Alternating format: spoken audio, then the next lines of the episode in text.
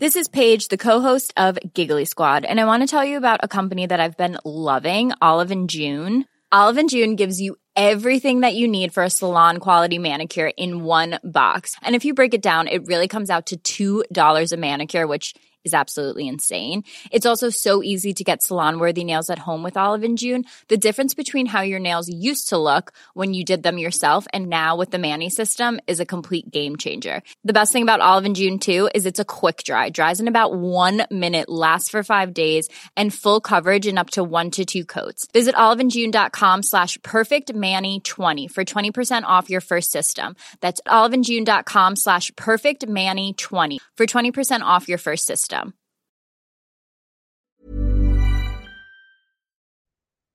Yo, balik lagi bareng gua Alvin dan kali ini gua masih sendiri dan kita bakal bahas pertandingan yang bikin kita semua mungkin gemetaran ya. Di Jumat pagi gimana skor akhir adalah 4-3 gimana prediksi gua ya ini nyaris terjadi. Prediksi yang sebenarnya gua nggak ingin prediksinya terjadi ya gua berharap prediksi gue salah gitu tapi hampir skor kita adalah 3-3 sebelum Kobe Mainu mencetak gol kemenangan dengan skor 4-3. Dan kita bakal bahas dari awal bagaimana line up dan lain-lain. Nah, kalau ngomongin line up dulu nih ya, ini bisa dibilang hampir uh, prediksi gue berhasil semua ya, bener semua. Kecuali satu, yaitu Rashford dan juga Garnacho. Itu aja mungkin bedanya ya. Kalau sisanya memang expected untuk bisa uh, diturunkan ya sama Erik Ten Hag. Dan kalau untuk Wolves sendiri ternyata Sarabia dicadangin. Diganti sama satu lagi gue lupa namanya Delgado atau siapa gitu. Intinya di set kanan kayaknya pemain dari Amerika Latin gitu. Nah, um, perjalanan pertandingan sejujurnya ya gue ini ketiduran di 30 menit awal jadi pas gue klik itu udah 2-0 tapi gue tadi sempetin buat nonton 30 menit awalnya di video untuk bisa membahas pertandingan ini. Nah, pas gue lihat itu ternyata lima menit pertama mainnya udah bagus banget. Udah bagus banget, udah banyak passing-passing, kombinasi dan terlihat bahwa memang personel ini penting banget ya. Bagaimana terutama Lisandro Martinez dan Luke Shaw ini memberikan ketenangan yang mungkin nggak didapat ya sama tim MU kalau nggak ada mereka gitu. Casemiro juga sebenarnya nggak jelek, tapi memang dia agak reckless ya, agak ceroboh, terutama di menit ketiga dia bikin kartu kuning dengan tackle yang apa ya, mungkin quote unquote agak sembrono gitu. Itu nggak perlu banget buat dilakuin kayak gitu. Tapi menurut gue mungkin dia salah perhitungan ya, karena gue yakin dia pasti ngincer bola, tapi kayak itu masih jauh men gitu. Lu lu santai aja menurut gue dan itu impactnya itu sampai dia uh, apa menit 70-an ya sebelum dia ditarik keluar. Itu benar-benar membuat dia mungkin jadi nggak leluasa. Jadi menit ketiga udah kartu kuning dan gol itu di menit kelima lewat Marcus Rashford. Pemain yang mungkin gue prediksi awalnya dia nggak akan nggak akan menjadi starter tapi ternyata jadi starter. Dan golin gitu di menit kelima. Di mana kalau kita lihat itu kalau nggak kalau nggak salah ya gue inget ya pokoknya bola di Garnacho kemudian passing ke Dalot Dalot uh, masuk ke dalam dan passing kaki kiri. Nah itu yang gue bilang. Itu bagusnya Dalot gitu dia bisa dua kaki kan. Nah, Dalot passing, Bruno juga bisa melakukan dummy kan, diterima Hoylund dan Hoylund passing lah ke si Rashford dan gol. Golnya bagus banget, placing ke kanan pojok dan itu uh, sangat sulit lah untuk dijangkau. Jadi 1-0. Nah, setelah 1-0, MU juga nggak mengendurkan serangan, bahkan ada beberapa peluang dari Casemiro ya. Ada satu sundulan, ada juga satu dari tendangannya Casemiro itu tetap melakukan peluang yang bagus. Dan Wolves pun sebetulnya dari 1-0 itu uh, apa ya? Jadi terlihat ingin mencetak gol. Karena udah ketinggalan.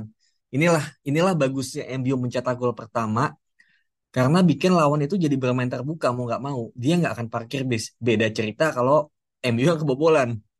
Itu tim lawan itu langsung bisa dibilang langsung bermain solid dan kita akan kesulitan untuk membongkar. Tapi kalaupun kita kebobolan duluan, kita menurut gue nggak akan kesulitan dalam membongkar ya karena kita punya Martinez, kita punya Luke Shaw, kita punya Dalot, punya Kobe Mainu juga. Jadi um, para pemain yang bisa melakukan build up ini ada semua di line up. Jadi gue sebenarnya nggak terlalu khawatir untuk pertandingan ini gitu. Tapi em, kita berlanjut ke menit-menit selanjutnya di mana kita banyak peluang sampai menit ke-20-an Rasmus Højlund. Nah, ini dia.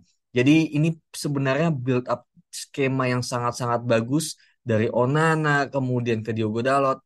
Terimanya juga bagus kan. Kita dulu mungkin selalu dari kiri mulu kan, tapi sekarang kita udah bisa nih lewat kanan karena Diogo Dalot gitu punya kemampuan build up yang sama kayak Luke Shaw. By the way, Diogo Dalot ini di pertandingan ini lebih banyak invert ya ke dalam menemani Casemiro gitu. Jadi Mainu dan Bruno Fernandes ini lebih ke depan ke nomor 8 gitu. Sedangkan Casemiro ditemenin sama Diogo Dalot gitu. Tapi di momen ini Dalot lagi di posisi fullback, posisi aslinya. Diterima bola, kalau nggak salah oper ke Garnacho, Garnacho langsung ke uh, switch play ya, ke ujung satunya ke Rashford. Nah ini dia. Jadi memang gue melihat ada skema-skema tertentu di mana Rashford dan Shaw ini punya keterkaitan ya. Keterkaitan, keterikatan dan juga understanding yang sangat-sangat bagus ketika mereka berduet gitu di sisi kiri. Jadi kayak Rashford dan Shaw ini kayak mereka udah udah udah saling tahu kalau Rashford lagi pegang bola, Shaw pasti bakal lari ke belakangnya. Dan tanpa Rashford ngeliat, pasti langsung oper gitu. Kayak udah tahu aja Shaw bakal ada di belakangnya untuk overlap. Jadi ini adalah sebenarnya kerjasama yang sangat-sangat bagus. Cuma sayangnya emang kalau misalnya salah satu dari mereka nggak bermain, itu pasti mandek gitu sisi kirinya. Cuma ya oke okay lah itu bisa di uh, bahasan lain ya. Cuma ini yang terjadi. Rashford pegang bola, mungkin dia juga terlihat ya Rashford di pertandingan ini sangat-sangat confidence, confident dibandingkan biasanya. Karena mungkin ya dia udah cetak gol juga gitu udah cetak gol dan juga dia ingin membuktikan ya bahwa kemarin dia sempat dihukum dia ingin membuktikan diri ke Ten Hag. Apalagi dia diberikan kesempatan starter. Itu sebuah apa ya bounce back yang bagus yang positif yang gue sangat appreciate. Itu dari Rashford jadi Rashford pegang bola dia juga nggak langsung terburu-buru. Ya dia hold dulu satu lawan dua dia kalah satu lawan dua. Tapi dia menunggu show dan ketika show masuk overlap dari belakang langsung di passing. Dan Shaw ini yang gue bilang kemarin kan kadang sayap kita nggak bisa kasih ke Hoylund tapi gue berharap fullbacknya yang kasih. Dan kejadian kan Shaw yang kasih ke Hoylund gitu.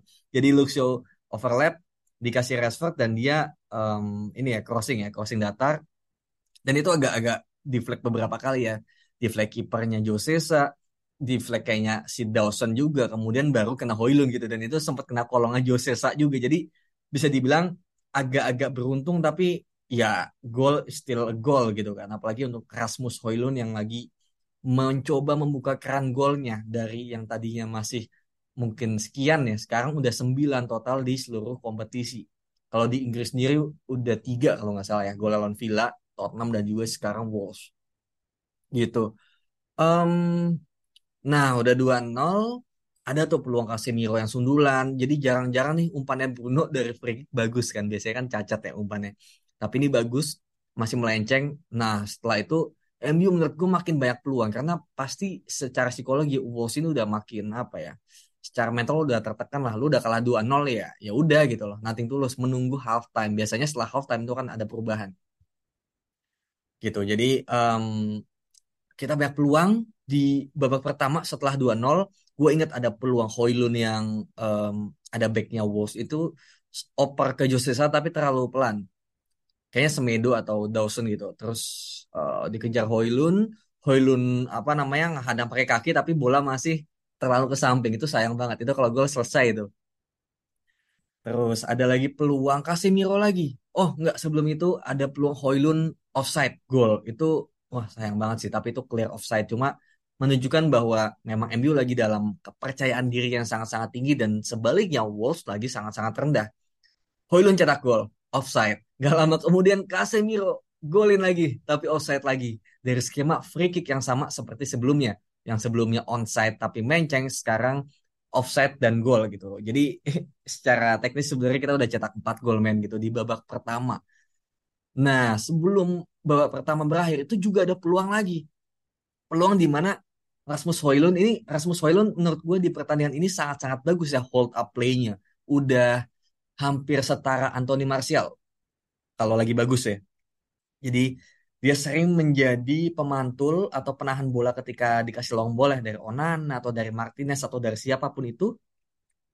Dan kemudian dia bisa nahan bola dan dia bisa kasih ke sayapnya gitu dan uh, dari situ dia bisa cepat balik lagi ke depan. Nah, di sini dia kasih ke Bruno ke ujung kiri gitu dan itu tuh enak banget sebenarnya. Bruno tinggal square kaki kiri dikit aja ke Garnacho karena Garnacho udah lari di kotak penalti. Dan apa yang terjadi? Ternyata bolanya ke hakim garis. Long bola kejauhan kayaknya kepleset ya gitu. Cuma aduh, sayang banget. Karena menurut gua 2-0 bagi MU, 2-0 keunggulan itu sama sekali nggak cukup. Udah berapa kali kita unggul 2-0, ujung-ujungnya kalau nggak kalah seri, ya kan? Jadi memang fans MU ini punya trust issue terhadap timnya sendiri. Dan itu gua akui memang gue juga merasakan itu. Lawan Galatasaray, lawan Copenhagen, lawan apa lagi gue sampai lupa tuh. Um, adalah pokoknya di mana kita udah unggul 2-0, tapi ujung-ujungnya ya kalau nggak kalah seri gitu. Lawan Copenhagen kalah, ya kan? Lawan Galatasaray seri. Terus gue lupa lawan apa lagi lah, saking banyaknya kita kena comeback yang ngeselin-ngeselin kayak gitu ya. Jadi gue udah nggak bisa ingat lagi. Tapi intinya sering banget kita di posisi seperti itu. Jadi 2-0 ini bener-bener not enough untuk bisa apa namanya uh, mengamankan tiga poin. Jadi ini harus 3-0 atau 4-0 dan peluang tuh ada. Sayang banget gitu loh. Nggak bisa dimaksimalkan dengan baik. Dan lah ya selesai babak pertama 1-0. Eh sorry 2-0. Nah babak kedua kayaknya memang ya yang tadi gue bilang ya ketika halftime ini memang momentum tim itu ketika sedang tertinggal itu kayak restart lah, restart mood, restart mentality. Dan terlihat memang Wolves sangat-sangat bersemangat ya untuk at least mungkin cetak satu gol. Dan kelihatan MU buat gue ya permainannya nggak sebagus di babak pertama gitu. Babak pertama ini benar-benar mainnya rapi bermain cepat bermain kombinasinya bagus. Pokoknya hampir sempurna lah tapi sayang banget di babak kedua tiba-tiba Wolves ini sangat-sangat bersemangat ya. Jadi menurut gue MU nggak sebagus di babak pertama. Nah sampai pokoknya ada momentum uh, gol juga ya. Gue lupa ada dua ya kalau nggak salah. Ada Bruno Fernandes. Kalau nggak salah Bruno Fernandes itu di babak pertama. Dia dapat square dari uh, dapat apa namanya umpan tarik ya dari Garnacho atau dari Rashford.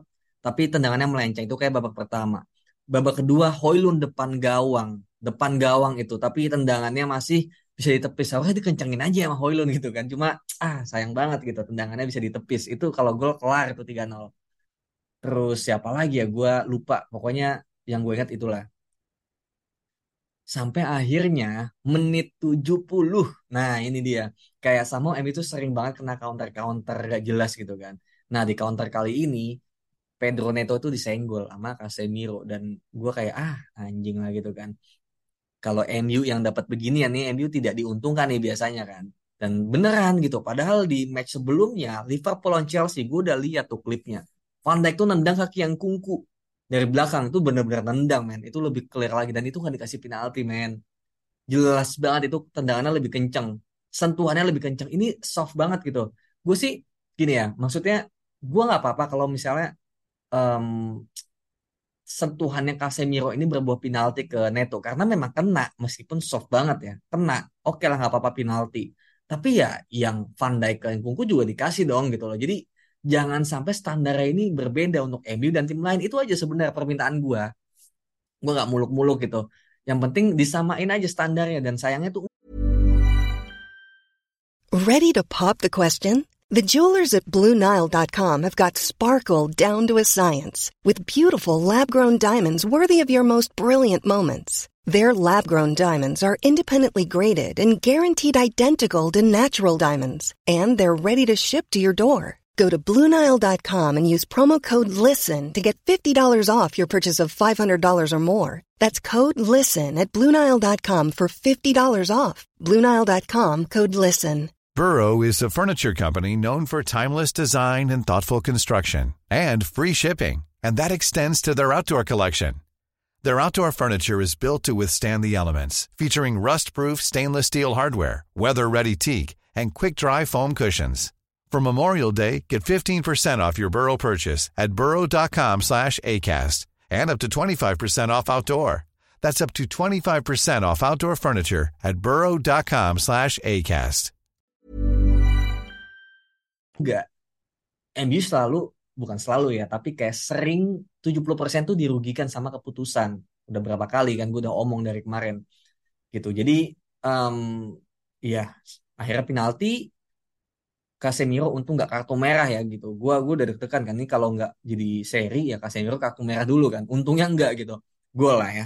Pablo Sarabia yang baru masuk golin tuh 2-1. Nah, nggak lama dari situ kayak Ten Hag lihat nih wah nih Casemiro bahaya nih ya kan. Udah uh, kartu kuning dari menit ketiga, kemudian udah bikin penalti juga wah ini bahaya nih. Tarik aja lah udah.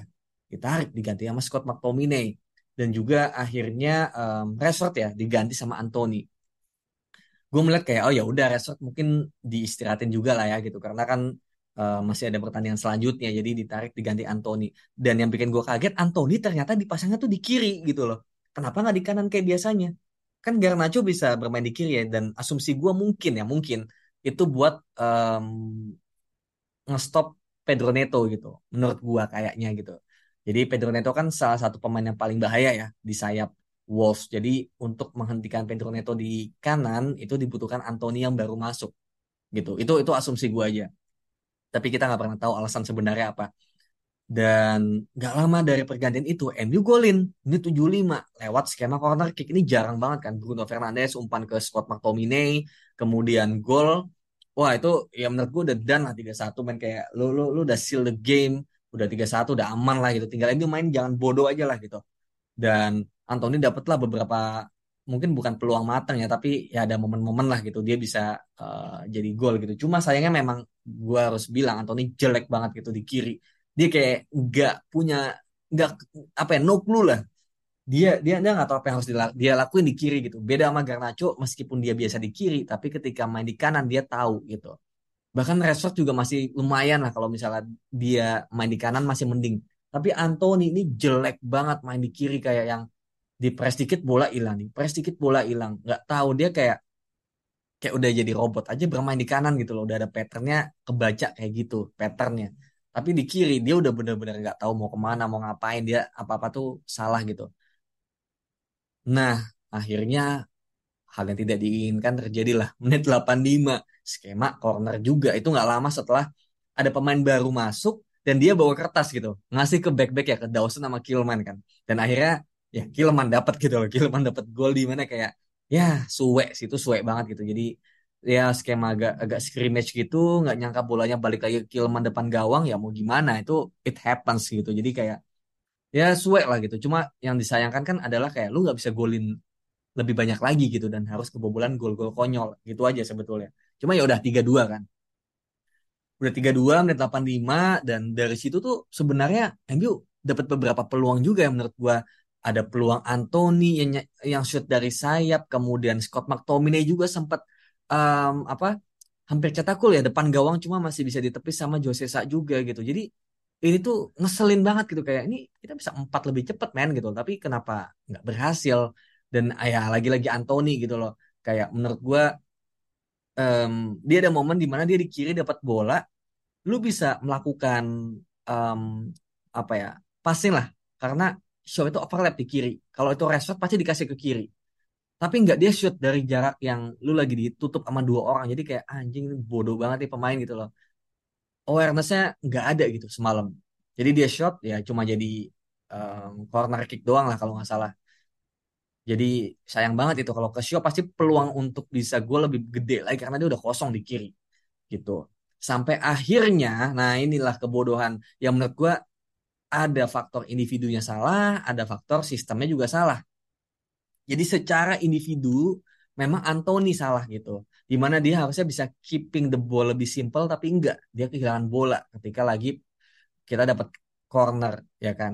Kelihatan banget dia mau merangsek langsung menghadapi dua orang. Ya lu kenapa kayak gitu gitu. Tapi satu sisi gue juga menyoroti bagaimana pemain-pemain MU ini udah tahu lu unggulnya 3-2 tambahan waktu 10 menit kenapa nggak passing pendek aja dari corner kemudian mainin bolanya jadi nggak usah nafsu buat cetak gol karena ya menurut gue semua tim tuh nggak akan kayak gitu yang normal ya. Ya udah lu pertahankan keunggulan mencari kemungkinan gol kalau possible tapi tapi aim utamanya tujuan utamanya adalah keeping the ball gitu loh. Bukan untuk em, apa ya mencoba menyerang secara barbar yang mana itu juga ada kesempatan lawan untuk bisa counter attack. Dan ya itu yang terjadi. MU tetap crossing si Bruno ke tengah gagal kan nyampe ke Anthony sayangnya Anthony bolanya lepas gitu loh. Ya udahlah kena counter. Gue lupa berapa lawan berapa tapi intinya tiba-tiba ke Pedro Neto shoot kehalang Varane deflect dikit ya Onana is being Onana gitu kan. Hal-hal di di momen-momen seperti itu memang dia dia nggak jago lah dia nggak bagus lah. Dia diem gol gue kayak yang gue udah ketawa sinis kayak ya it happens lah gitu. Lu lu udah udah unggul dua nol unggul tiga satu jadi tiga tiga udah bukan hal baru lah buat gue nonton MU ya. Jadi ya udah gue ketawa aja gue udah ready lah untuk momen itu. Jadi ya udah kita melihat selebrasi heboh dari Pedro Neto kan. Dan ya ya ya gimana ya udah sebel aja gitu. Oh dan sebelum itu Omari Forson masuk ya. Omari Forson masuk gantiin si siapa ya Eh, Hoylund ya kalau nggak salah. Jadi jadi Omari Forson jadi penyerang dan Martinez juga sempat ditarik ya Martinez ditarik kemudian ada lagi yang ditarik ya gue lupa siapa lagi pokoknya ada Maguire masuk Evans masuk gitu kan. Jadi BK 5 gitu. Nah em, dari situ gue gua gue udah pesimis kayak ya biasanya MU kalau udah kayak gini kan mental jatuh. Cuma sama gue melihat ada momen di mana em, bukan scrimmage ya tapi di mana MU itu bisa bermain dalam momen eh, sudut sempit itu itu banyak banget pemain entah pemain MU entah pemain Wolves di sisi kiri. Dan gua nggak tahu pokoknya siapa yang gue lihat pada saat itu pokoknya ada pemain em, yang kombinasi ternyata itu Omari Forson dan juga Kobe. Mainu ya kombinasi di ruang sempit itu Mainu dengan sedikit em, apa nutmegnya ngelawatin pemain ngolongin pemain dan kemudian dia mencoba sedikit body feint ya mau ke kiri tapi ternyata ke kanan di momen yang sama Omari Forson dengan cerdasnya dia menarik pemain backnya back CB ini untuk ke arah dia ke arah yang berlawanan. Jadi membuka ruang bagi Mainu untuk cetak gol. Itu pintar banget sih menurut gua. Dan tiba-tiba Mainu melakukan shooting curling ke ujung kanan yang apa ya aduh cantik banget sih golnya cantik banget gitu. Cantik banget golnya. Gue pas lihat kayak yang gue nggak percaya dengan apa yang gue lihat gitu kayak men Kobe Mainu gitu dari sudut seperti itu skemanya juga one two pass dengan temennya di akademi Omari Forson ngolongin pemain body feint dan kemudian shooting ke ujung kayak gitu dan wah selebrasinya ice cold banget. Dingin banget dia langsung slide knee slide kemudian selebrasi Garnacho bahkan sampai lari ya. Dia udah diganti tapi dia lari. Masuk ke lapangan lagi sampai dapat kartu kuning. Itu aduh gila. Gua benar-benar perasaan kita sebagai fans MU ini dipermainkan ya yang udah dibikin senang 2-0 dibikin deg-degan 2-1 senang juga 3-1 sempat deg-degan 3-2 marah 3-3 dan akhirnya ya diselamatkanlah mood kita ya di hari Jumat yang berbahagia ini ya dengan skor 4-3 jadi ya seperti itulah perjalanan tadi pagi ya. Itu buat gue sangat-sangat em, gila sih. Buat gue salah satu pertandingan yang gila karena ya kita harusnya menang lebih gampang tapi MU apa ya bikin apa-apa tuh jadi sulit men gitu. MU tuh dengan mudahnya 4-0 5-0 sebenarnya ya. Tapi ya harus 4-3 gitu loh. Tiga kebobolan yang enggak banget. Jadi ah ya ginilah jadi fans MU ya. Dan ini sangat penting kemenangan sangat penting karena MU naik ke ranking 7 dan di atasnya ada West Ham yang baru aja imbang lawan Bournemouth satu-satu dan kita cuma beda satu atau dua poin dan next ya kita bakal melawan West Ham di Old Trafford. Jadi kalau kita menang lawan West Ham, kita melompati mereka dan kita di ranking 6. Meskipun jarak ke ranking 5 masih jauh tapi ya ya itu nantilah ya kita satu-satu dulu aja game by game gitu dan ya menurut kalian siapa man of the match di eh, pertandingan kali ini? Kalau buat gue sih ada ya ada dua lah ya antara Kobe Mainu atau Rasmus Højlund. Tapi buat gua, meskipun Kobe Mainu ini juga menjadi penentu kemenangan, tapi buat gua Rasmus Højlund sih menjadi man of the match-nya.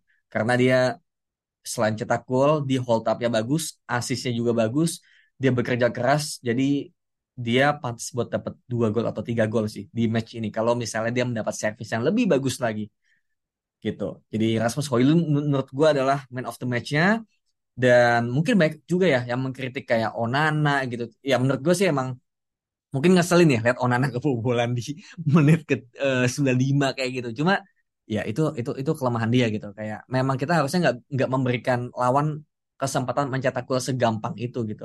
Cuma ya Onana is being Onana gitu. Um, to be fair dia bagus sebetulnya di luar penyelamatan yang kurang gitu kan. Dia sangat kompos dia bisa mengatur serangan dari belakang bersama Martinez. Jadi tenang gitu loh ketika kita pegang bola kita berkali-kali build up kita tuh mantep banget main gitu. Jadi itulah keunggulan Onana kita bisa main secantik ini gitu loh sebagus ini tuh karena Onana gitu. Tapi memang ketika kita diserang ya kita deg-degan. Itulah kurangnya. Jadi jadi semua ada plus minusnya lah. Kalau dengan David De Gea kita mungkin build up nggak bisa secair ini, tapi penyelamatan mungkin kita agak tenang gitu kan. Tapi sama Onana sebaliknya gitu. Jadi ini plus minus. Jadi kita berharap semoga Onana juga bisa memperbaiki ya kemampuan uh, shot stoppingnya gitu. Jadi buat teman-teman siapa nih man of the match-nya dan siapa uh, apa ya mungkin worst of the match ya menurutku worst of the match ini udah pasti ya Anthony sih. Ah jangan lagi lah pasang Anthony di sisi kiri. Meskipun mungkin itu uh, ada justifikasi di mana Anthony bukan bermain di sayap terbaiknya yaitu di kanan. Tapi ya lu jangan sejelek itu juga.